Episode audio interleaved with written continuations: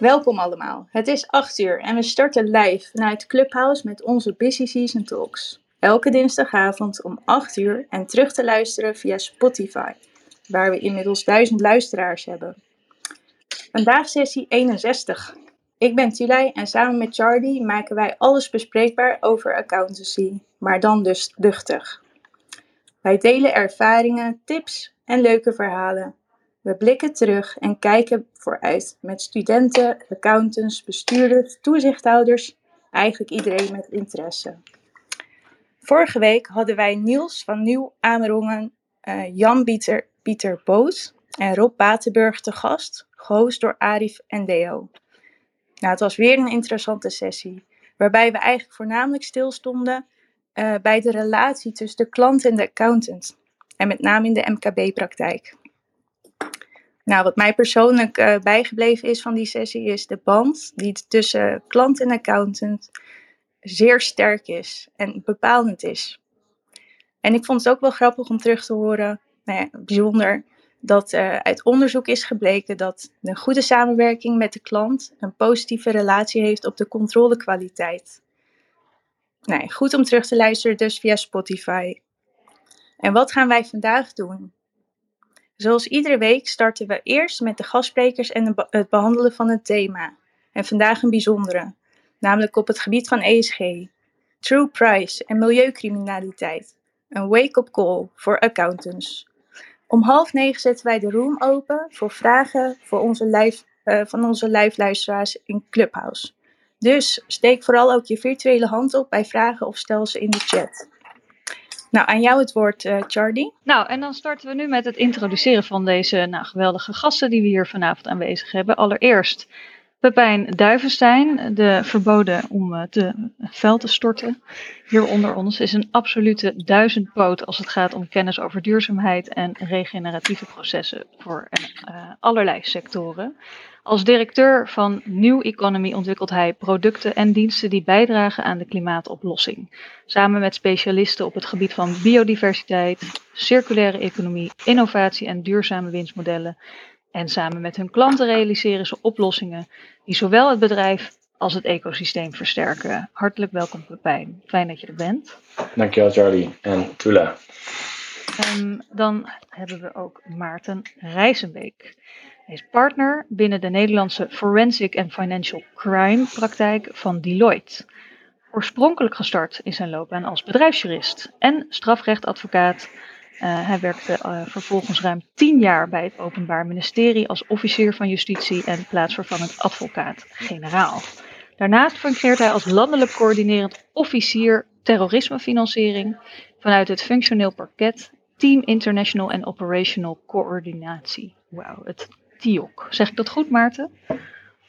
Ja, TIOC inderdaad. Dankjewel uh, voor de introductie, eh, Charlie. En goedenavond. Ja, ook hartstikke fijn. Welkom. Dan, last but zeker not least, vriend van de show, Fukan Chang, ofwel Foek, is voorzitter van de raad van bestuur bij Alpha Accountants en Adviseurs. En verantwoordelijk voor de portefeuilles accountancy, vaktechniek, ICT, uh, marketing, communicatie, innovatie en zeker ook duurzaamheid. Want Alfa heeft de ambitie om de duurzaamste, uh, het duurzaamste accountskantoor van Nederland te worden. Ze zijn ook aangesloten bij de zogeheten B-corporaties. Voek zet zich graag in om de rol van de accountant in de duurzame economie te bevorderen. En daarom is hij sinds 2019 ook aanjager van de Groene Brigade van de NBA. Zeg ik dat zo goed, Voek? Fijn dat je er bent. Ja, ja. Ik blijf het altijd maar Groene Brigade noemen. Inmiddels heet ja. het Planet Finance, maar ik vind Planet het Finite ja, of ja, Planet Finance. Oh, oké. Okay. Ja, nee, ja, Groene Brigade klinkt toch uh, wat Ja, activistischer. ja, klinkt nog steeds uh, iets activistischer. Hè? Dus nee. Nou, maar leuk om er weer bij te zijn. Ja, hartelijk welkom allemaal. Fijn dat jullie er zijn voor dit uurtje over milieucriminaliteit en True Price. Ehm, en dan gaan we volgens mij nu uh, verder met de muzikale omlijsting van deze sessie door Alex. Ja, dank uh, Charlie. Uh, goedenavond allen. Uh, ik ben erop ge ja, gewezen inderdaad en Pepijn voelde me al aankomen dat uh, er net wat bijgeluiden waren. Dus als je niet spreekt, mute. maar fijn dat we deze sessie kunnen doen. toen ik dacht aan de onderwerpen true pricing en greenwashing, moest ik denken aan, uh, dit, aan het nummer van Adele waarin ze zingt But there's a side to you that I never knew and all the things you say were never true. Dan gaan I let it fall, my heart, and as it fell, you rose to claim it. It was dark and I was over until you kissed my lips and you saved me. My hands, they're strong, but my knees were far too weak. Standing in your arms without falling to your feet. But there's a side to you that I never knew, never knew. All the things you'd say, they were never true. And the games you play, you would always win. But I set fire to the rain, watch it pour as I touch your face. Well, it burned while I cried, cause I heard it screaming out your name, oh, your name. But I set fire to the rain Watch it pour as I touch your face. Well, it burned while I cried, cause I heard it screaming out your name, your name. Prachtig, Alex. Echt weer super gaaf. En dat brengt mij natuurlijk meteen naar de vraag van... Hoe, hoe ben je op dit nummer gekomen ten aanzien van deze sessie? Is daar nog een bepaalde boodschap bij aanvullend op wat je al eerder zei? Ja, het, set fire to the rain. Hè? Je, kan zelf, je kan eigenlijk alles verpesten als mens als je, als je niet oplet. En, ja. en die titel alleen al vond ik al mooi. En toen zag ik ook nog zinnen over greenwashing. Dus uh, toen kwam ik erachter dat dit nummer nog net niet helemaal geschreven is op het onderwerp. Dus, uh, en, en het is sowieso leuk om een keer iets van Adele te spelen. Ja, prachtig gezongen weer. Echt heel leuk. Dankjewel.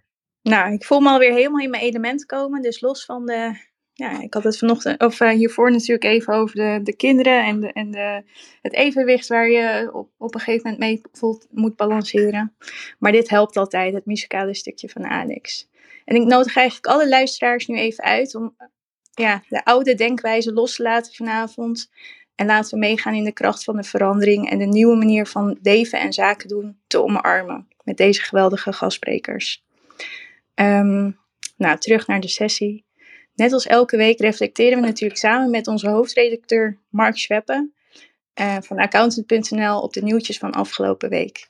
Maar voordat we dat gaan doen, wil ik eigenlijk nog even kort stilstaan bij het IPCC-rapport van gisteren. Eh, wetenschappers hebben een laatste waarschuwing afgegeven over de klimaatcrisis gisteren, aangezien stijgende emissies van broeikasgassen de wereld op de rand van onomkeerbare schade brengen, die alleen snel en drastisch ingrijpen kan voorkomen. We naderen dus eigenlijk het tipping point. Het IPCC bestaat uit de werelds belangrijkste klimaatwetenschappers en zij presenteerden gisteren 20 maart, dat zeg ik nu even voor de podcast uh, straks via Spotify, het laatste deel van hun zesde beoordelingsrapport. De uitgebreide evaluatie van menselijke kennis over de klimaatcrisis heeft honderden wetenschappers acht jaar van hun leven gekost om samen te stellen tot dit rapport dat bestaat uit meer dan duizend pagina's. Ik heb ze ook niet allemaal gelezen, geef ik eerlijk toe. Ik weet, ben benieuwd of iemand anders dat wel heeft gedaan. Maar eigenlijk komt het neer op één boodschap. Handel nu, anders is het te laat. Dat komt wel even binnen. Maar genoeg werk aan de winkel dus. Mark, zou jij ons nu kunnen meenemen in de nieuwtjes van uh, accountant.nl afgelopen week? Zeker, Tulay, dankjewel. Ja, en dat IPCC-rapport is inderdaad de zoveelste in een rij die ze hebben uitgebracht. En eigenlijk ook de zoveelste in een stapel onderzoeken, rapporten en berichtgeving die allemaal klimaatgerelateerd zijn, lijkt het wel tegenwoordig. Dus ja, het is echt vijf voor twaalf of misschien al wel vijf over twaalf, maar we moeten, echt, we moeten echt iets doen. Nou, ik had een ander bericht uitgekozen wat afgelopen week ook uitkwam, want dat zat iets dichter op onze sector, zeg maar. Eh, de klimaatplannen van de grote financiële instellingen, zoals banken en verzekeraars, die schieten ernstig tekort. Um, hun huidige plannen zijn van onvoldoende kwaliteit om te voldoen aan het klimaatakkoord van Parijs. Uh, blijkt uit onderzoek van Eerlijke Geldwijzer naar de klimaatplannen van de tien grootste bankenverzekeraars en pensioenfondsen. Nou, um, geen van die onderzochte instellingen haalt er voldoende voor hun klimaatplan. En um, dat sluit aan bij andere bevindingen, bijvoorbeeld van uh, een eerder rapport van KPMG over klimaatplannen van de financiële sector. Dat is ook kritisch. En minister Kaag sprak vorige week ook al de financiële sector aan. Kortom, daar is echt veel huiswerk te doen. En die zitten natuurlijk vaak in een, nou ja, in een, in een uh, uh, tijdlijn waar ze uh, andere partijen weer tegen, tegenkomen en moeten beoordelen op hun financiële mogelijkheden en daar ook een, een, rol in kunnen, kunnen spelen. En ook accountants moeten zich natuurlijk wapenen tegen wat er allemaal rondom klimaat gezegd gaat worden in de komende rondes van berichtgeving. Het, het, heel veel corporate geronk uh, werd er al uh, gezegd, waar je um, nou ja, scherp op moet zijn. Dus dat is, dat is een, een onderzoek van Eerlijke Geldwijzer. Nou ja, de, de rapporten stapelen zich op, als gezegd. Dus genoeg continu hierover. Um, wat ook een beetje toch in deze sfeer zit, en daarom heb ik het ook maar uitgekozen voor deze discussie vandaag, is de politieke aardverschuiving van vorige week in de provincie met de provinciale statenverkiezingen. Alle provincies is BBB de grootste geworden. Nou, de jongste berichtgeving is dat ze straks 17 zetels hebben in de Eerste Kamer. Hangt nog een beetje vanaf hoe dat precies gaat uitvallen, maar toch. Het voelt wel als een belangrijk signaal voor het zittende kabinet. En uh, vandaag waren er ook uh, ongemakkelijke discussies en beschouwingen in de Kamer en, en achterkamer, overleg binnen de partijen, et cetera. Um, ondertussen pleiten MKB Nederland en VNO-NCW in een reactie op de verkiezingen uh, voor een stabiel overheidsbeleid in de komende jaren. En ze zeggen van ja, de uitslag maakt duidelijk dat kiezers veel waarde hechten aan ondernemerschap en aan een sterk landelijk gebied. Um, en dat het land roept om meer vertrouwen vanuit Den Haag. Nou, ik denk dat dat op zich zeker een ware constatering is. Maar ja, nu wordt het vooral spannend om te zien hoe die stikstofdiscussie verder zal gaan. Hè? En ja, waar gaan we naartoe? Uh, boeren, burgers en bedrijven, BBB, waar gaan we naartoe? Nou, dat, um, dat zijn ook uh, uh, dingen waarover te, te praten is, misschien vanavond. Um, en dan hadden we nog een bericht over, over vliegen. Er was ook weer een onderzoek van een milieuorganisatie Transport and Environment naar het vliegbeleid van 322 bedrijven wereldwijd. En er bleek uit dat de meeste multinationals geen serieuze plannen hebben om minder zakelijk te gaan vliegen. En ook KPMG stond in de top drie van grootste uitstoters daarbij. Nou, uh, dat slaan we natuurlijk wel op aan. Uh, we hebben ze ook even gecontact. Maar goed, uit dat onderzoek kwam 85% van die bedrijven heeft geen geloofwaardig plan om het aantal vluchten te gaan beperken. En naast KPMG stonden Volkswagen en Johnson Johnson in die top drie. Um, en ik had zelf altijd het idee, ja, we zijn toch minder uh, zakelijk gaan uh, vliegen na corona. Maar blijkbaar valt het nog een beetje tegen. Um, KPMG reageerde overigens op onze vraag hierover. En die stelde dat het reduceren van reizen en de eigen klimaatambities hoog op de agenda staan. En uh, de Nederlandse tak van KPMG is ook aangesloten bij de coalitie Anders Vliegen. Nou, ik ben heel benieuwd. In april komen hun jaarcijfers uit. Dus dan moeten we dan maar even goed kijken wat ze daarover allemaal melden. Want dit was nog op basis van eerdere informatie. Dus uh, nou ja, drie thema's die alle drie volgens mij met uh, een discussie van vanavond te maken hebben, wat mij betreft. Ja, hartelijk dank weer Mark. Uh, je zet het weer goed op een rijtje. Nou, er gebeurt ontzettend veel. Ik, ik wil eigenlijk onze gasten vragen, wat, hoe, wat doet het nieuws met jullie? Wat, uh, welk, welke van de drie nieuwtjes raakt jullie het meest? Misschien uh, Maarten, heb je een reactie op een van deze drie thema's? Zeker, en wat mij uh, denk het meest raakt, en dat zal niet verbazen, is het, het zoveelste rapport dat het inderdaad vijf voor twaalf of vijf over twaalf of misschien wel half drie middags al, al is. Um, dat is een, een nog duidelijker call for action uh, wat ook zeg maar de verzuchting oproept hoeveel we daarvan nog nodig hebben om er echt mee aan de slag te gaan. Ja, helemaal mee eens. Voek, uh, klopt het eigenlijk, uh, hoe kijk jij tegen die BBB-beweging aan? zitten er ook veel landbouwbedrijven in jouw portefeuilles? Nou ja, of is ook een agrarisch accountskantoor, dus ja. ja. Ik denk dat heel veel van mijn klanten BBB gestemd hebben. Mijn collega was vorige week uh, op de Agrarische Hogeschool en deed daar ook even een polletje. Uh, en daar stemde geloof ik 100% van de studenten BBB. Kijk, en, en dat is natuurlijk wel, ook met het andere nieuws in ogenschouw nemen, wel een spannende. Hè? Kijk, we weten hoe BBB in die wedstrijd zit. Ehm, en tegelijkertijd is je merkt een soort verzet tegen alles wat er speelt op duurzaamheidsgebied. Toch wel bij de boeren en de burgers, zou ik dan toch nog zo willen zeggen. Omdat het blijkbaar toch nog steeds ingewikkeld is om die transitie in te gaan met elkaar. En dat is ook wel iets waar ik me zorgen over maak. Hè. Waarom lukt het ons niet, hè, ondanks al die alarmerende uh, rapporten, dat, mensen dat, dat, dat mensen dat goed op hun netvlies krijgen. En dat, nou ja, dat baart natuurlijk ook wel zorgen. Nou, volledig. Pepijn, heb jij nog een hoopvolle noot? Of uh, hoe kijk jij naar de nieuwtjes van vandaag? Ja, ik zal even mij verantwoorden uh, voor het uh, achtergrondgeluid. Ik ben bij Harvest Care. Hier hebben wij een workshop Food is Medicine. Okay. En dat is eigenlijk ook waar het gesprek deels over gaat. Richting klimaat, maar ook richting hoe gaan we ons land gebruiken. En er zit een gigantische correlatie in tussen uh, ja, hoe uh, voedsel gegroeid wordt, of gefokt, of benut, en de gezondheid van ons lichaam. En daar hebben we steeds meer informatie over. En nou, daarom was ik ook bij deze workshop vandaag. En daar zie je dus dat in theorie we kosten kunnen besparen, richting accountancy dan even, als we op een andere manier omgaan met onze voedselinvulling. En dat zie je ook eigenlijk ook bij het IP, uh, goedemiddag, het IPCC-rapport. En ik raad niemand aan om het helemaal te lezen, maar als je het leest, pak pagina 28. Dan zie je een heel mooi overzicht over uh, welke dingen we nu kunnen gaan opschalen. En ik ben het helemaal eens met Maarten. Ik ben bang dat het half drie is. Ik ben bang dat we, uh, ondanks al het werk van die negen klimaatwetenschappers, dat ze echt nog een perspectief willen bieden. Maar ik lees ook andere rapporten en we moeten echt met elkaar heel snel nadenken over gedragsverandering en gewoon zelf actie ondernemen als persoon. En dan hoef je ook niet na te denken over die politiek wel of niet. Je kan morgen of vandaag al nadenken hoe je zelf uh, een, uh, ja, actief bijdraagt aan die klimaatoplossingen. Nou, fantastisch Pepijn, dankjewel. En dus een oproep aan uh, ons allen. Uh, dan pak ik hem meteen uh, over met uh, mijn kleine bijdrage qua filosofische rubriek vanavond.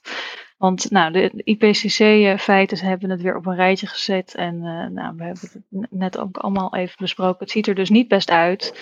Het steeds negatiever wordende nieuws over de status van het klimaat leidt er maar niet toe dat de mens radicaal zijn verhouding tot de wereld herziet. Maar dat is dus wel de oproep om dat te doen. En hierover lees ik ook een uh, passage voor van de helaas uh, vorig jaar overleden filosoof Bruno Latour uit zijn laatste werk Oog in Oog met Gaia. En toch ontbrak het niet aan alarmsignalen. De sirenes hebben onophoudelijk geloeid.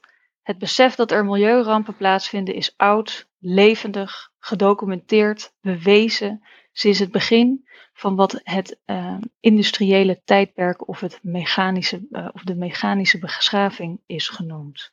We kunnen niet zeggen dat we het niet hebben geweten. Maar er zijn nu eenmaal veel manieren om iets te weten en tegelijkertijd niet te weten. Wanneer het gaat om de zorg voor onszelf, voor ons overleven, voor het welzijn van onze dierbaren zijn we doorgaans sneller geneigd om veilig te spelen. Bij het minste verkoudje van onze kinderen maken we een afspraak bij de kinderarts. Bij de minste bedreiging van onze aanplant spuiten we in, uh, insecticiden. En bij de minste twijfel over de veiligheid van onze eigendom sluiten we een verzekering af en installeren we bewakingscamera's. Om een potentiële invasie te voorkomen stationeren we meteen wapens aan onze grenzen. Het roemruchte voorzorgsprincipe passen we overvloedig toe zodra het gaat om de bescherming van onze omgeving en onze bezittingen. Zelfs al zijn we niet al te zeker van de diagnose en zelfs al blijven de deskundigen elkaar vliegen afvangen over de omvang van de gevaren. Ten aanzien van deze mondiale crisis daarentegen beroept niemand zich op voorgenoemd principe om onervaard actie te ontplooien. Ditmaal gaat het heel uh, ditmaal gaat het heel anders toe. De zeer oude, omzichtige, pietpeuterige mensheid, die gewoonlijk alleen op de tast vooruit gaat en elk obstakel eerst grondig afklopt als een blinde met een witte stok, die zich zorgvuldig instelt op elk mogelijk risico en onmiddellijk terugdeinst zodra ze weerstand voelt, die zich voorwaarts spoedt zodra de lucht opklaart voordat ze weer aarzelt bij een nieuw obstakel. Die mensheid heeft ditmaal geen vin verroerd. Geen van haar oude deugden, die van boeren, burgers, ambachtslieden, arbeiders, politici, lijken hier op geld te hebben gedaan. De alarmsignalen hebben weer klonken. Ze zijn één voor één uitgeschakeld. De mensen hebben hun ogen open gedaan. Ze hebben gezien, ze hebben geweten. En ze zijn met hun ogen stijf dicht voortgeraast. Tot hier. Uh, als wij uh, als risicomijdende mensen, en zeker ook, hè, de accountants kijken natuurlijk ook altijd naar die risico's. Ja, hoe komt het dan toch dat we niet diezelfde voorzorg nemen als het gaat om deze mondiale klimaatcatastrofe? En dat is natuurlijk een gigantische vraag. Van hoe, hoe blijft uh, het, het, ja, het aanpassen van ons gedrag hierin, uh, en ook op, niet alleen individueel, maar ook op grote schaal, ja, waarom blijft dat uit? Ik um, geef het woord graag weer aan Maarten in deze, om een korte reflectie te geven op wat ik net heb gedeeld. Ja, allereerst uh, dank voor het delen van, uh, van die mooie tekst. Uh, ik merkte dat die mij raakte. Hè. De alarmsignalen hebben geklonken. Um, en toch luisteren we daar niet naar.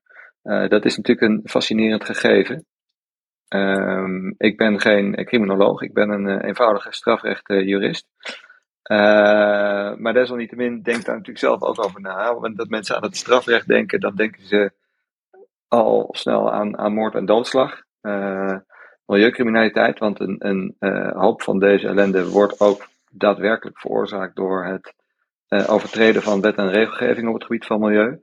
maar milieucriminaliteit wordt ook wel moord op termijn genoemd.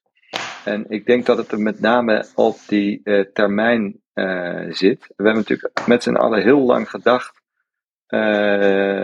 dat het er niet was, omdat het niet zichtbaar was. En ik denk dat we eigenlijk pas de afgelopen paar jaar in volle omvang beginnen te zien wat de impact is van onschadelijke handelingen uh, op, de, op het milieu. Uh, daar is natuurlijk ook nog discussie over geweest van de mensen die dat ontkennen. Uh, er is discussie geweest over de daadwerkelijke impact. Uh, en ja, je ziet wel dat uh, de jongere generatie, daar heb ik echt mijn hoop op gevestigd. Ik uh, behoor daar, daar zelf niet meer toe. maar dat die daadwerkelijk ook, het ook in onze samenleving zullen afdwingen. En dat vind ik wel een, een positief teken, hè, dat mensen ook daadwerkelijk in actie komen. op allerlei manieren. maar bijvoorbeeld ook door, door toepassing van het recht. zowel het civiele recht als het bestuursrecht als ook het strafrecht. Uh, en je ziet wel dat uh, de, politieke onmacht, dat die eigenlijk uh, hier en daar doorbroken wordt door de rechtspraak die, die wel positie durft te nemen. dus ik heb daar wat dat betreft, om ook even de koppeling te maken met het onderwerp milieucriminaliteit, ik heb daar ook wel mijn hoop op gevestigd.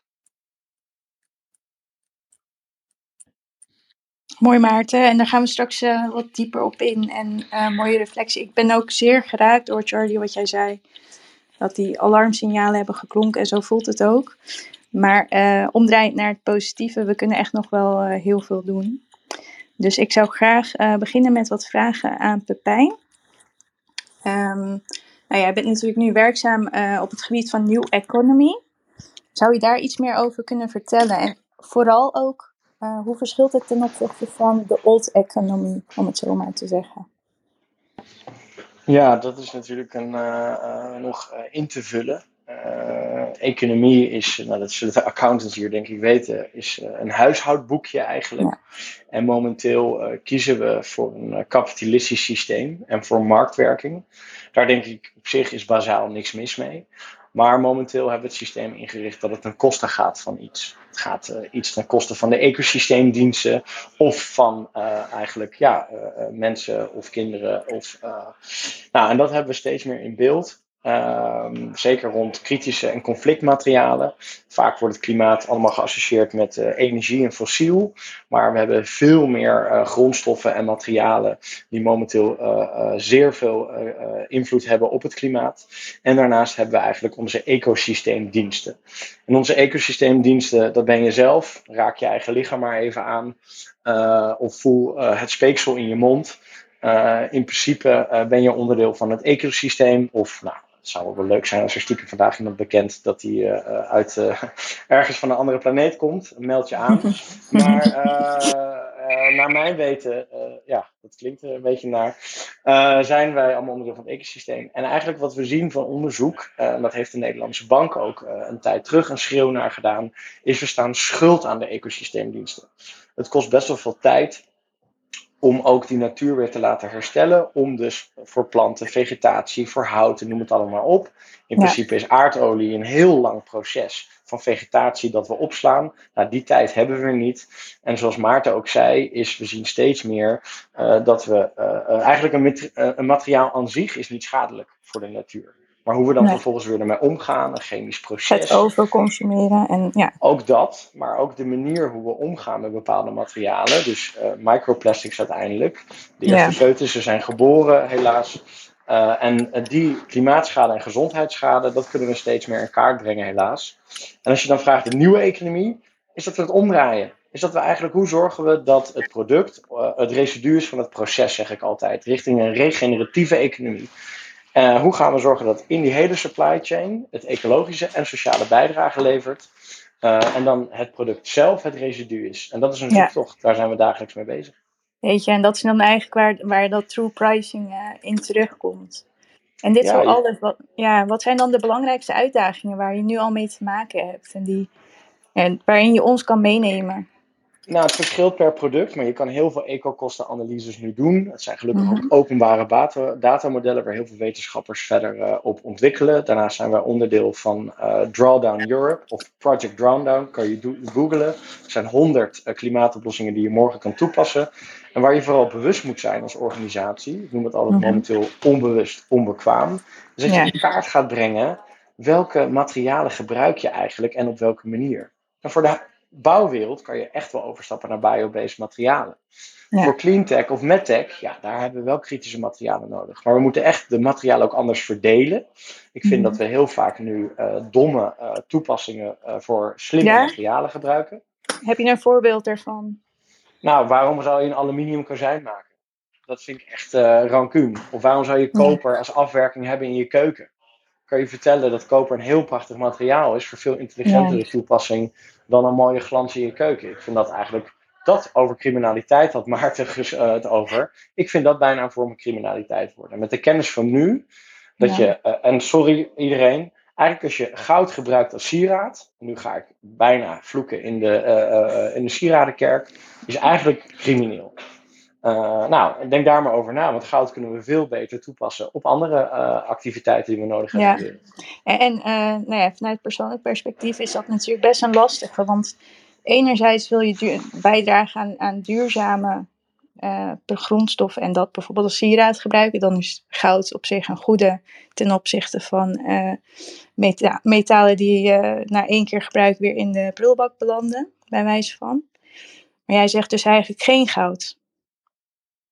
Nou, kijk, ik noem het even als voorbeeld, want er stond in de omschrijving van de podcast, het moet hem ook een beetje leuk zijn. Dus ik zet Precies. hem hard aan vanavond. nee, dat mag ook, uh, zeker. Maar dus, dat, uh, kijk, ja. we hebben het over neodymium, palladium en ik kan een hele lijst aan kritische en conflictmaterialen noemen.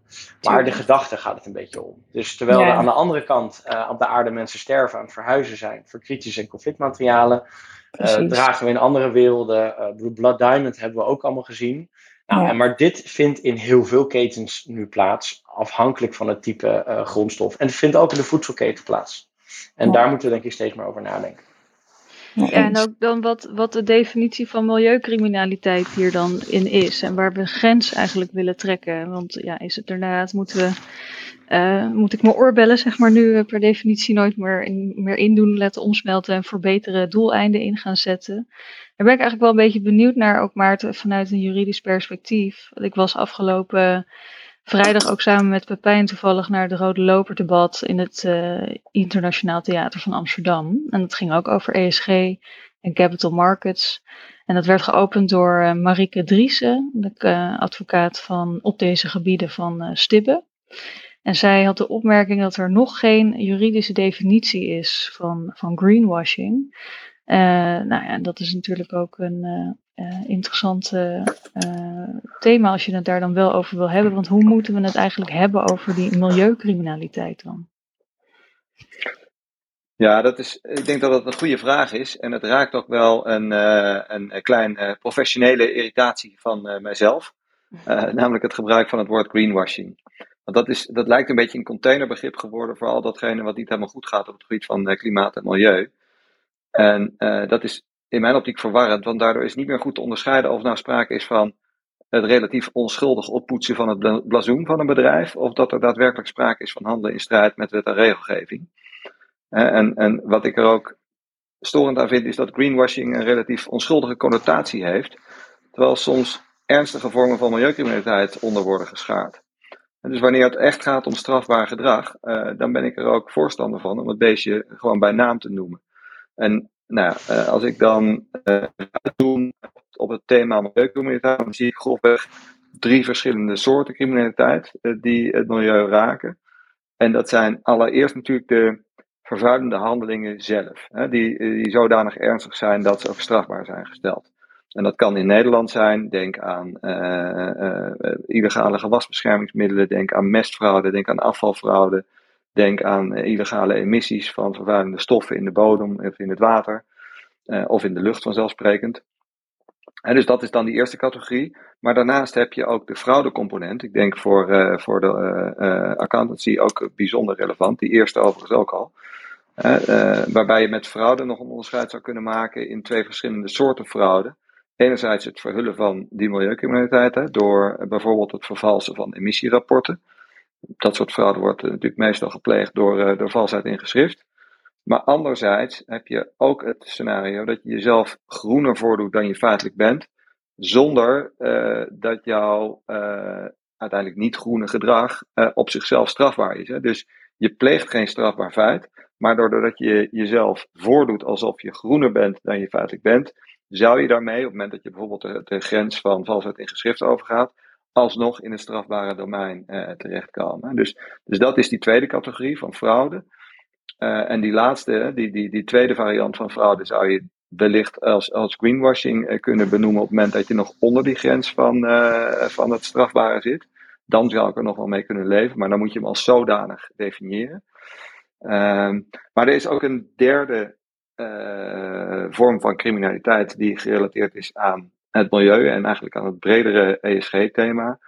Uh, die denk ik uh, een belangrijke rol gaat spelen de komende jaren. En dat is de link tussen witwassen en, uh, en ESG. En bij witwassen denkt denk men nog snel aan euroshoppers vol met cash, dat die afkomstig zijn van drugscriminaliteit, van de, de Redouan maar wat men zich soms minder realiseert, is dat ook de omzet van een vergund bedrijf, dat gewoon staat ingeschreven bij de KVK, uh, als witwassen kan worden beschouwd wanneer die omzet afkomstig is van bedrijfsactiviteiten waarin milieunormen zijn overschreden in strafrechtelijke zin. Uh, en dan, dan, gaat het niet alleen om het geld wat daarvan afkomstig is, van de omzet bijvoorbeeld van, uh, van bepaalde milieucriminaliteit, maar ook de goederen die daaruit afkomstig zijn, ook die kunnen object zijn van witwassen. En dan vind ik het heel interessant om even aan te haken op de inbreng van Pepijn zojuist met die conflictmineralen. Uh, noemde al even het voorbeeld van goud. Zo'n uh, 80% van het, uh, het goud wereldwijd wordt naar verluid, ik heb dat niet gecontroleerd, maar ik zag dat laatst op een documentaire van, van Netflix, wordt naar verluid illegaal gedolven. Bijvoorbeeld door illegale kap in het Amazonegebied, door ehm, werken met chemicaliën zoals, en, zware metalen, zoals kwik bijvoorbeeld, wat ook de wateren daar vervuilt, waar mensen ook aan het werken zijn nou ja, onder uh, omstandigheden die, die mij in ieder geval doen denken aan de moderne slavernij. En dus als dat goud vervolgens wordt verwerkt in uh, producten en de producent van die producten die weet of die uh, moet redelijkerwijs vermoeden dat dat goud afkomstig is van een misdrijf, dan maakt die producent zich vervolgens schuldig aan witwassen. En wat je nu dus nog vaak hoort, om hem af te ronden, is, is het verweer in zo'n geval, op het moment dat je daar vanuit een strafrechtelijk perspectief naar kijkt, hè, dat die producent niet wist dat uh, dat goud uh, illegaal gedolven was. Maar als je kijkt naar alle ESG-wetgeving die vanuit Brussel op ons afkomt, dan kom je daar uiteindelijk dus niet meer mee weg. Als je kijkt bijvoorbeeld naar de Corporate Sustainability Due Diligence Directive die op ons afkomt, uh, op grond daarvan zal je onderzoek moeten doen naar die herkomst. Uh, en kom je dus veel meer te weten over die toeleveringsketen. En ook al ook al heb je over het hoofd gezien dat dat geld afkomstig is uit een misdrijf, dan rijst vervolgens de vraag of je wel redelijk of je wel goed onderzoek hebt gedaan. Hè? Of je redelijkerwijs had moeten weten dat uh, dat geld afkomstig is uit een misdrijf. En als dat het geval is, ja, dan loop je echt een reëel risico in de toekomst om te worden vervolgd voor witwassen. Dus in die zin winnen de witwasbepalingen uh, enorm aan kracht met de ESG-wetgeving uh, uit Brussel. Ja, lang verhaal kort, hè, wat is milieucriminaliteit? Laten we strafbaar gedrag benoemen zoals het is. het is daadwerkelijk vervuilende activiteiten zelf. Het is fraude of het is witwassen. En, en laten we dus de term greenwashing bewaren voor al datgene wat niet strafbaar is, maar waarbij mensen zich net iets uh, groener voordoen dan ze daadwerkelijk zijn. Oké, hartstikke bedankt Maarten voor deze heldere uiteenzetting. Uh, en Foek, ja, jullie zijn denk ik uh, je ook druk aan het voorbereiden op het controleren van die ESG-verslaggeving. En, mm -hmm. Ja, hoe zien jullie dat? Hoe pakken jullie dat aan? En helpen jullie je klanten daarbij? Of waar staan jullie nu in dat proces? Nou ja, uiteraard. Kijk, laat ik zeggen, wat je nu ziet is dat heel veel klanten daar heel veel vragen over hebben. Dat we ze daarover informeren. Ik vond overigens de vorige discussie erg interessant. Want jullie, jullie kennen mijn terminologie over greenwashing. Hè, dat is, het is niet, uh, ik zeg altijd, het is niet fraude wat je pleegt ten opzichte van de. Hè, normale fraude doe je ten opzichte van de huidige generatie. Maar bij greenwashing doe je het nog eens ten opzichte van de toekomstige generatie. En ik ben het heel erg eens met Maarten dat we misschien de term greenwashing ook niet voor die, lichte, hè, voor die lichte dingen moeten gebruiken, maar gewoon helemaal moeten afschaffen. Omdat het een veel te lieve term is voor iets wat niet goed is. Uh, dus daar wilde ik eerst nog even op reageren. Uh, ja, kijk, wat, wat, je op dit ogenblik ziet, en, en ik denk dat uh, veel accountskantoren dat merken, is dat met alles wat er losgekomen is over CSRD, nou ja, klanten heel veel vragen hebben.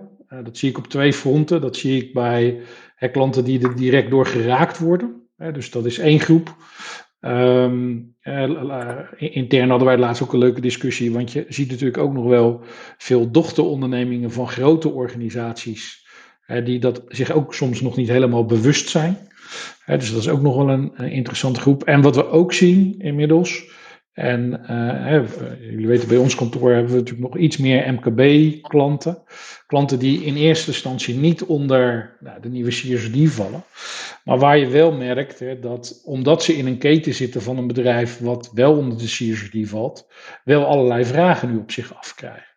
Hè, dus dat is een andere belangrijke ontwikkeling die we ook zien, dat ook bij het MKB uh, dit steeds meer gaat leven. Dat is uiteindelijk ook natuurlijk wat de wetgever beoogd heeft.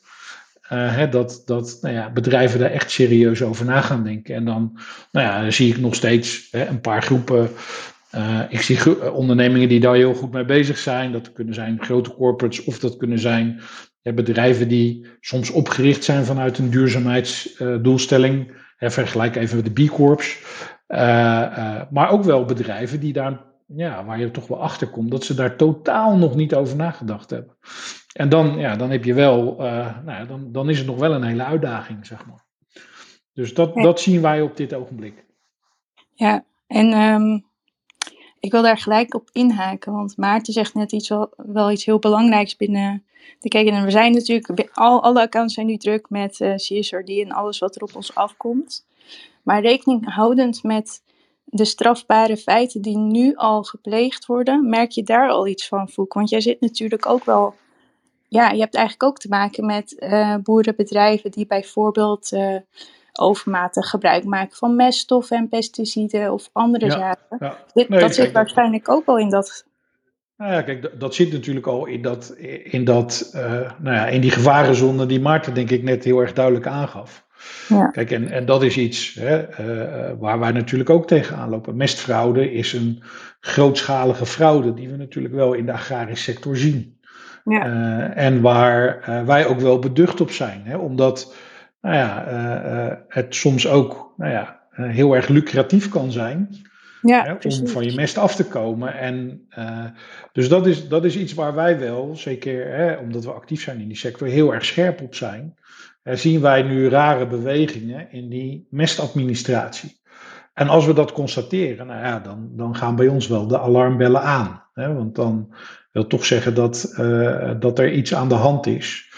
Uh, en er is in het verleden, nou ja, laat ik zo zeggen, uh, is er natuurlijk ook grootschalig mee gefraudeerd. Hè? Dat ja. weten we gewoon.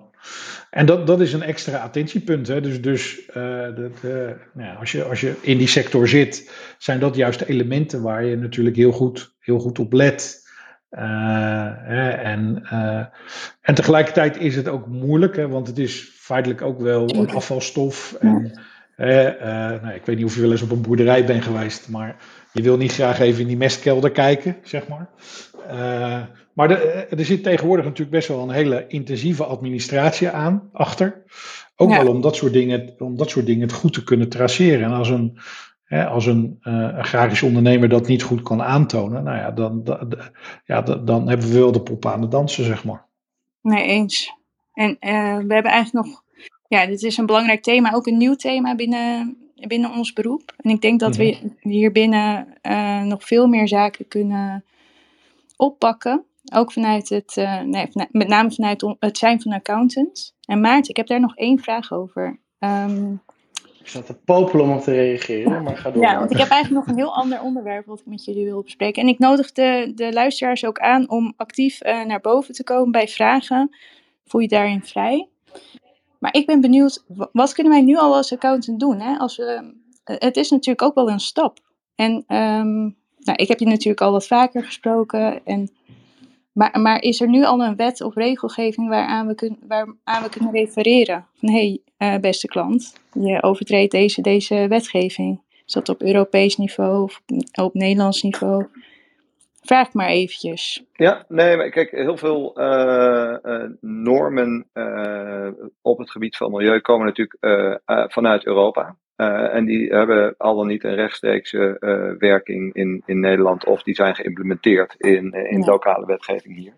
En ehm, nou, even aanhakend op het punt over, over mestfraude bijvoorbeeld.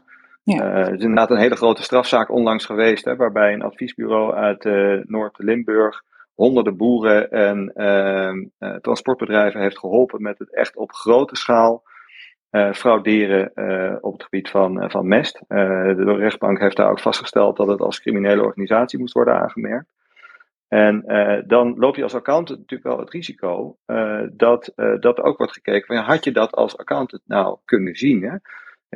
Onlangs heb ik bij Deloitte een symposium georganiseerd waar, ik de publieke en de private sector heb samengebracht op, op dit onderwerp. Uh, waarbij ook het hoofd van een van de bijzondere opsporingsdiensten, die zich dus bezighoudt met de bestrijding van milieucriminaliteit, uh, ja, verzuchtte specifiek ten aanzien van fraude in biodiesel. van ja, er is een, een, organisatie die handelt in biodiesel, die heeft een instelling om biodiesel te produceren. Maar het bedrijf zet jaarlijks drie keer meer biodiesel om dan de installatie kan verwerken. Als accountant, zegt hij dan, verwacht ik dat je, dat, uh, dat je daarop aanslaat. Hè?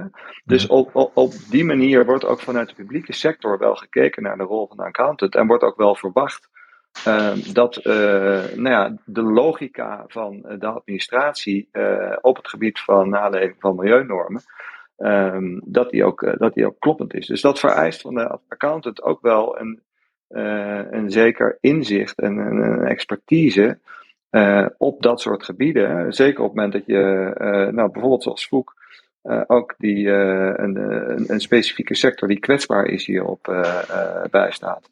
Dus wat dat betreft mooi om te horen dat Voek ook daadwerkelijk inzicht heeft in, in hoe zo'n mestadministratie eruit ziet. Zonder dat je misschien in de gierput zelf kan kijken, maar dat je daar dus wel in staat bent om afwijkende patronen in te herkennen. Ja, mooie toevoeging. Nee. Oké, okay, dan um, sluit ik dit onderwerp even af. En dan nee, dat kan niet. Sorry, oh. ik kan het niet laten. Ik ah, denk, want ik heb nog iets... Oh, nou ja, goed, kom er tussendoor, Pepijn. De handvaten, is, ik ja. hoop dat het onderdeel wordt van het UBO-register. Ja. En dat we daarnaar kijken en dat we dan wel een juridisch kader vinden voor greenwashing. En helemaal eens met beide sprekers, moeten dat uh, ander, een ander vocabulaire zoeken om dat in te vullen. Mm-hmm. Um, maar ik denk wat we nu wel ook kunnen doen, is dan even als, als accountants of economen, is helpen dat bijvoorbeeld levensduurverlenging of het gebruik van die materialen fiscaal nu niet per se aantrekkelijk is. En wat bedoel ik als voorbeeld? Ik werd vroeger door mijn accountant gebeld, hey, je moet je laptop vervangen, want het is fiscaal interessant. De laptop die ik voor mijn neus heb is nu acht jaar oud en de telefoon die ik in mijn hand heb is zeven jaar oud werken allemaal prima. Uh, dus als we nu al kijken, ook wat kunnen we in het systeem doen, uh, en bijvoorbeeld dus ook niet aansturen op vervangmomenten van dit soort uh, materialen, als er een technische levensduur gewoon mogelijk is, dat soort dingen kunnen we vandaag. En bazaal hoop ik wel dat we met elkaar gaan uitzoeken, is inderdaad hoe zorgen we dat er een, hetzelfde level playing field hebben. Want voor mijn gevoel is de reden waarom er veel fraude gepleegd wordt, omdat een product dan uiteindelijk goedkoper op de markt kan komen. Als we met elkaar gaan helpen, dat diezelfde level playing fielding is voor die materialen, is mijn aanname dat we om vorm van fraude kunnen voorkomen. Dus dan moet je dus echt eerlijke prijzen in de winkel gaan doen. En dan kunnen we allemaal zien dat een telefoon voor een x bedrag voor het gesprek voor 80 euro of 100 euro een niet realistisch bedrag is om dat in de westerse wereld te verkopen. Eigenlijk is nergens ter wereld. En die gegevens hebben we al. En zo kunnen we volgens mij elkaar helpen naar realistische prijzen te gaan. Ja, en dat is uh, een mooi concreet voorbeeld van een aspect waar we aan kunnen werken, al gelijk.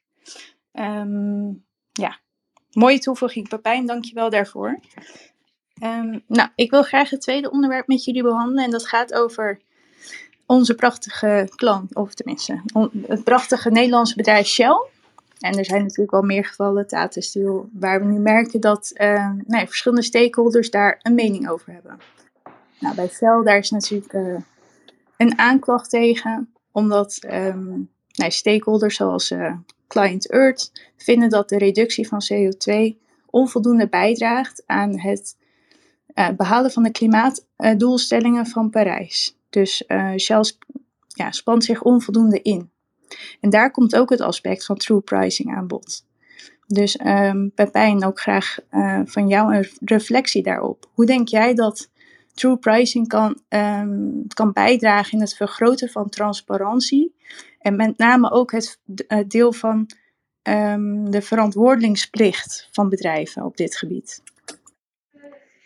Ja, um, kijk, er gaan signalen rond uh, dat uh, we in Nederland of in Europa uh, de grenzen of de regels te scherp gaan maken. En dan gaat men zeggen, ja, dan de, de huisvesting-uitdaging nou, ik vind dat wel een hele uh, bijzondere manier om je verantwoordelijkheid uh, te, nemen.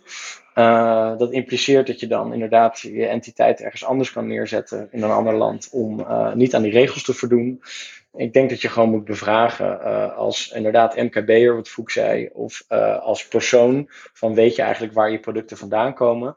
En als we dan uh, inderdaad richting true pricing of eco-kosten gaan, uh, kunnen we voor een gemiddeld product aangeven wat de werkelijke kosten zijn. En die data komt steeds meer openbaar en de EU is daar ook mee bezig. En dan denkt, uh, maakt het volgens mij niet meer uit waar je uit zit. dan gaat het vooral om in welke locatie consumeer je eigenlijk. En is er dan een eerlijke prijs in het schap. Ja, en hoe, hoe zou je bijvoorbeeld zo'n eerlijke prijs kunnen bepalen. Want uh, nou ja, Shell die is natuurlijk bezig met oliewinning. Uh, en dat, die grondstof wordt bijvoorbeeld gebruikt voor heel veel producten. Ja, je noemde net die, uh, kunststof. Die metrics zijn er al. Die Best wel lastig. Ja, die, ja. die metrics zijn er al. je had eerst mm -hmm. het Greenhouse Gas Protocol waar die metrics staan. Uh, je hebt ecokosten, IDEMAT databases. Dus eigenlijk voor uh, heel veel verschillende materialen en grondstoffen zijn er al indicatoren waar je dat gewoon kan berekenen. Uh, de wetenschap is nog niet eens, je moet het zien als een soort valuta. Dus EK-kosten impliceert niet dat het een werkelijke euro is in de huidige economische stelsel. Mm -hmm. de ene wetenschapper zegt, nou, je moet dat keer 10 doen en de andere keer misschien zelfs keer 20. Maar bezaal bijvoorbeeld een, een fast food hamburger kost de maatschappij tussen de 250 en 750 euro, zegt men. En dat soort analyses heb je nu. En uh, ja, de, uh, die, die kan je analyseren per product. En dat gebeurt nu al uh, met le le levenscyclusanalyses. En, kunnen bedrijven keuzes maken welke materialen ze wel en niet willen. Dus wel of geen polymeren komt terug in dat soort analyses. Ja, dan gaan we dus eindelijk naar een wereld waarin je groente in de supermarkt, uh, dat dat goedkoper is dan uh, ja, slechtere producten. Nou, de groente bij de groenteboer is het allergoedkoopst. Maar ja, we gaan dan inderdaad uh, Bizar, hè? kijken hoe we de consument kunnen helpen zelf die keuzes mm -hmm. te maken. Maar dat gaat wel inderdaad invloed hebben op de huidige prijzen. Ja, dus het bekwaam, bekwaam maken van de consument. Uh, Maarten, dat brengt mij eigenlijk uh, op dit onderwerp gelijk naar jou. en jouw expertise hierom. Het is misschien een wat brede vraag, maar hoe denk jij dat ehm, en, op welke wijze we bijvoorbeeld ook overheden meekrijgen in het reguleren van activiteit? Want we merken natuurlijk ook als accountant zijn wij dol om nou, te zessen aan normen en, dus ook wet en regelgeving. En, soms is dat er nog niet. Maar, en, ondernemingen die voeren bedrijf op basis van wet en regelgeving. Welke rol zie jij voor e-, overheden dan uh, als het gaat om reguleren van activiteiten en ze in een bepaalde richting te bewegen? Een brede vraag. Ja, maar, ja maar wel een goede vraag. Wat je natuurlijk ziet is dat overheden best wel worstelen met dit onderwerp, omdat mm -hmm. het behoorlijk wat impact heeft. Ehm, en dat nou, soms ook uh, electoraal natuurlijk niet altijd even goed verkoopt. Hè? Ehm, dus, dus, en dat vanuit, vanuit is dat op zich een te rechtvaardige belang. Maar dat maakt wel dat, dat men soms een beetje in de knoop zit en, en niet echt richting kan kiezen. zoals ik al eerder zei, ik verwacht dat, dat uiteindelijk het recht ehm, best wel een belangrijke rol hierin gaat spelen. Waarbij je dus ziet, bijvoorbeeld in de Urgenda-zaak, Um, ja. Dat de rechter ook uh, uiteindelijk uh, de overheid corrigeert in, in haar gedrag. En um, wat ik ook wel interessant vond, ik zat laatst dus in dat symposium waar Karin van Wingerde ook sprak. Zij is hoogleraar ehm, corporate crime aan de Erasmus Universiteit. En zij zei: eigenlijk zou je, wanneer het gaat om het aanpakken van milieucriminaliteit, niet eens zozeer naar wet en regelgeving moeten kijken, maar veel meer naar de schadelijke impact van gedrag. En, uh, en uiteindelijk daar uh, op moeten gaan handhaven. En dat zal juridisch nog best ingewikkeld zijn. Maar, maar daar zal je wel ehm, onontgonnen gebied moeten gaan betreden om daadwerkelijk die verandering in gang te zetten, of die transformatie te starten. Ik vond dat wel een hele inspirerende. Um, ja. En dat sluit ook aan bij, bij uh, de visie van Pepijn hè, op het gebruik van, uh, van conflictmineralen of, of grondstoffen waarvan de delving een enorme impact heeft. Op het moment dat je dat misschien niet eens zozeer vanuit de huidige wet en regelgeving gaat bekijken, maar veel meer op wat is de, de negatieve impact van bepaald, het gebruik van bepaalde grondstoffen of van bepaald gedrag in onze samenleving en je gaat um, daar ook vanuit een juridisch perspectief kijken of je dat kan beïnvloeden. Ik denk dat dat misschien wel de, de meest effectieve manier zal blijken te zijn. En, en dat dus hè, van de, de trias politica uiteindelijk de rechtspraak misschien wel onze hoop in bange dagen is. Ja, en dat we vanuit dat oogpunt worden bewogen in een betere, naar de nieuwe economie. Die we met z'n allen proberen neer te zetten. Mooi, mooi uitgangspunt. Ja. En, we naderen uh, een beetje het einde van uh, de sessie alweer. Het is al bijna ja. negen uur en ik wilde nog heel even ja, stilstaan bij uh, een ander, ander element van dit, deze discussie, namelijk ja, eigenlijk het ethische kompas, waar we in het begin van deze, dit gesprek al een beetje aan raakten. Hè? Want op dit moment is er veel kapitaal beschikbaar voor bedrijven en start-ups die pretenderen een duurzame oplossing op de markt te brengen. En uh, het beoordelen of iemand die pretentie kan waarmaken, is volgens uh, nou Marleen Evert, maar vele anderen natuurlijk ook, uh, voornamelijk een kwestie van intuïtie, omdat het gewoon ook zo moeilijk is te, te beoordelen, denk ik. Het ethisch kompas van accountants zal dus nog een prominentere rol moeten gaan spelen in het controleren van ESG-verslaggeving. Um, dat is overigens ook de reden waarom de MBA-faculteit faculteit Ethiek, Cultuur en Gedrag hard aan een ethisch competentiemodel voor accounts aan het werken is. Want in het kader van de betrouwbare verslaggeving zal de accountant moeten kunnen onderscheiden of die pretentie kan worden waargemaakt. En of er sprake is van criminaliteit in de vorm van greenwashing. Of dus, nou, we moeten het daar niet meer over hebben, gewoon uh, witwas of green crime. Maar uh, ja, ik ben heel benieuwd hoe jullie uh, naar de, rol van het ethische kompas in deze kijken en hoe de accountant zich daar dus op voor moet bereiden en hoe wij onze nieuwe accountants daarin kunnen begeleiden. En misschien is het ook wel, uh, want het zal jullie niet,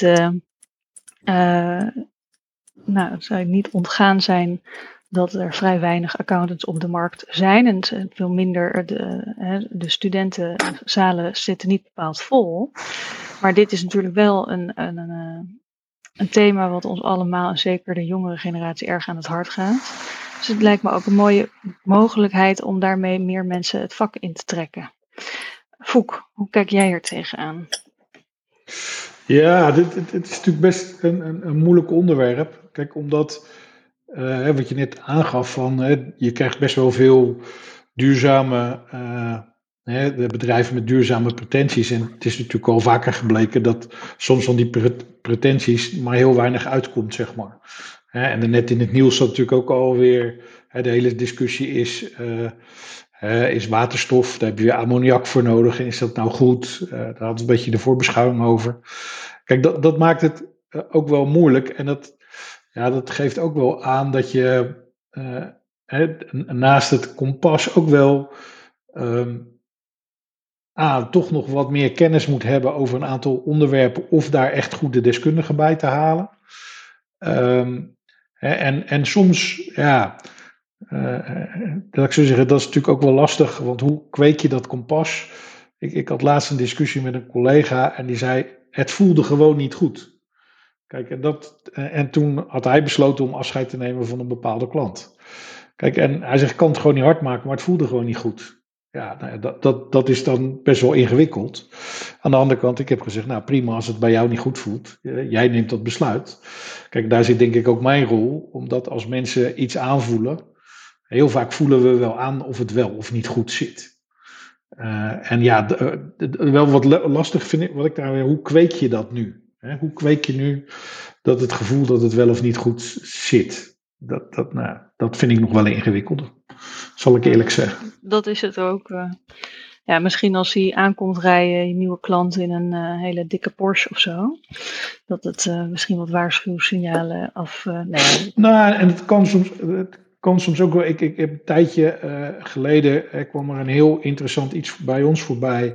Waarbij nou, ook bepaalde partij nadacht over uh, de opslag van CO2 uh, eh, door boeren in producten. En dat zou dan tot een bepaalde nou ja, CO2-opslag leiden. Alleen het hele lastige was dat je dat niet rondgerekend kreeg. En ook wel dat je uh, uiteindelijk, weet je wel, de, de hele discussie aan, want dan rijdt er natuurlijk ook nog een trekker met diesel over die akker. En dan hebben ze ook nog een koelcel en reken je die nu wel of niet mee.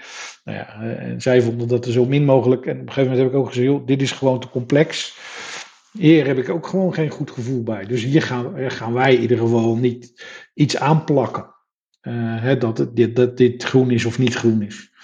En, en, maar daarvoor moet je natuurlijk ook, nou ja, eh, daar moet je wat kennis voor hebben. En ik, en ik denk ook, en dat zie ik ook nog wel eens hè, bij accountants, uh, het lef hebben om zo'n klant ook de deur te wijzen dan. Weet je wel, dat, dat, ja, ja. Uh, dat is natuurlijk ook nog wel spannend. Nou, zeker.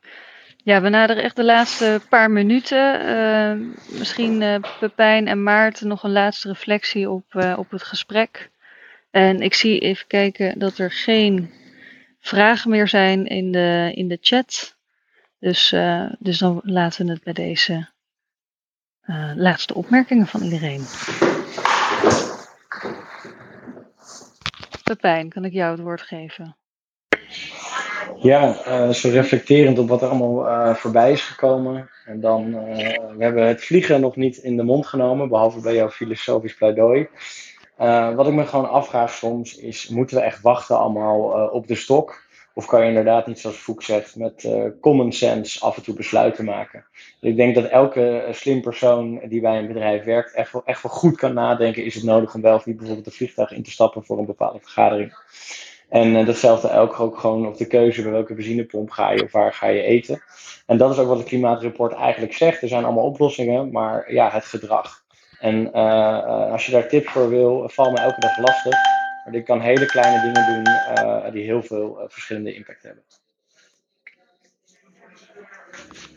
Oh, ik zag dat er nog een vraag toch was van Diana, maar ze is nu weer weg. Nou, helaas. Maarten? Ja, misschien als afsluiting over de rol van de accountant. Wat ik vaak zie in, in de wereld van, uh, van duurzaamheid, maar ook van milieucriminaliteit, is dat we met elkaar uh, in een uh, pakket zitten waar we heel lastig uit kunnen komen. Omdat niemand als eerste wil gaan bewegen, zeker niet in het bedrijfsleven, omdat je anders gewoon jezelf wegconcurreert. Ik denk dat daar voor de accountants een belangrijke rol zit in gewoon op een transparante manier gewoon te toetsen aan de norm. En op het moment dat het niet aan de norm voldoet, om daar ook consequenties aan te verbinden. En ik, ik uh, begrijp ook dat uh, uh, een, een, een, grote accountantsorganisatie, volgens mij was het EY, ehm, de jaar, eh, in de jaarrekening van een grote oliemaatschappij een opmerking ja. heeft gemaakt over de, de, de beloftes die hier worden gedaan. Die kunnen gewoon niet feitelijk onderbouwd worden. Weet je, dat soort moedig handelen, dat, dat is echt de, de rol van de accountant die we nodig hebben om deze wereld in beweging te krijgen. Want nou, het ging net al even over de wortel en de stok. Uh, ik heb misschien vanuit mijn beroepsinformatie iets minder vertrouwen in de wortel dan in de stok. En de accountant kan uh, er toch echt een, een duw in de goede richting geven. Mooi, uh, Maarten. En uh, dat is inderdaad door middel van de verklaring kunnen wij de verwachtingen van het maatschappelijk verkeer in belangrijke mate tegemoetkomen. Maar wat ik uit deze sessie ook heb gehaald is dat we op het gebied van transacties en, en daar, daar hebben we natuurlijk ook vanuit uh, milieucriminaliteit een belangrijke rol te spelen. Daar kunnen we natuurlijk ook al heel veel uh, in doen. Denk aan witwassen, uh, meldingen. dus dat, dat green crime raakt dat snijvlak wel. En dit is zeker een onderwerp om nader te bespreken. En uh, ik denk dat we richting de afronding kunnen gaan, Jordi. Tot uh, volgende week. Uh, Tule, wat staat er? Er staat volgens mij een sessie, een hele leuke sessie over deep democracy onder andere. ja, met name werkplezier, kwaliteit en ontwikkeling. Oh ja. samen met um, Wendy en Mitchell. Dus yes. dat belooft weer een mooie sessie te worden. Dank jullie wel, lieve luisteraars. Oké, okay, bedankt. Ja, graag gedaan. En jullie ook dank. Heel erg bedankt.